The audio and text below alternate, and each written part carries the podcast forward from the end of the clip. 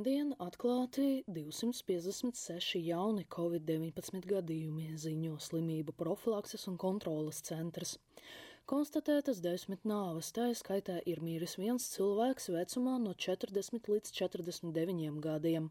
Pārējie mirušie bija vecāki par 60 gadiem.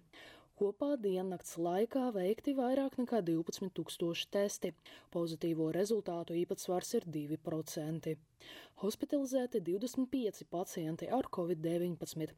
Kopā stacionāros ārstējas vairāk nekā 300 pacienti, no kuriem 53 ir ar smagu slimības gaitu. Latvijas slimnīcās pakāpeniski slēdz un pārprofilē Covid-19 nodaļas ziņo Leta.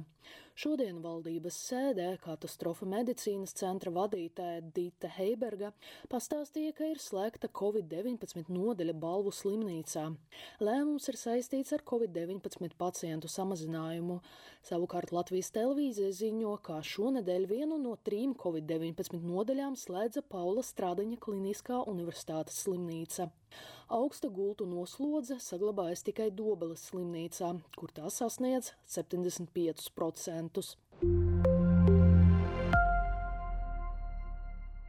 Latvijā pirmo reizi ir konstatēts Kolumbijas covid-19 variants. Par to šodien valdības sēdē paziņoja epidemiologs Jurijs Pirjovoščikovs. Tas satur uzreiz divas bīstamas mutācijas. Tāpat Latvijai ir atklāts Eģiptes variants un turpina izplatīties Indijas paveids, jeb delta variants. Līdz šim ar vīrusa delta variantu ir inficējies 21 cilvēks, divi ir mīruši. Noskaidros, ka pieci cilvēki inficējušies ārzemēs, četri inficējušies maisēmniecībā, bet deviņiem inficēšanas vieta nav noskaidrota. Šobrīd Latvijā dominē Lielbritānijas paveids, jeb alfa variants. No 16. jūnija valdība plāno organizēt vakcināciju pret covid-19 tirzniecības centros.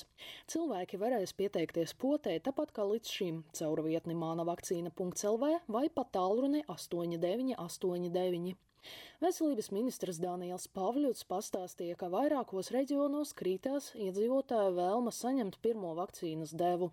Tāpēc ministrija plāno virkni ar motivējušiem pasākumiem. Tā skaitā senioru uzrunāšana, izbraukuma vakcinācijas un iespēja saņemt poti tirzniecības centrā. Šobrīd par gatavību sadarboties ir paziņojuši desmit tirzniecības centri Rīgā. Valdība atbalsta ēdziesmu svētkus. Pasākumi notiks no 2. jūlija līdz 30. oktobrim un izmaksās nedaudz vairāk par 2 miljoniem eiro iepriekš plānoto 4 miljonu eiro vietā. Izglītības un zinātnes ministrija savā ziņojumā norādīja, ka svētki notiks decentralizēti, ārpus telpām un bez skatītājiem.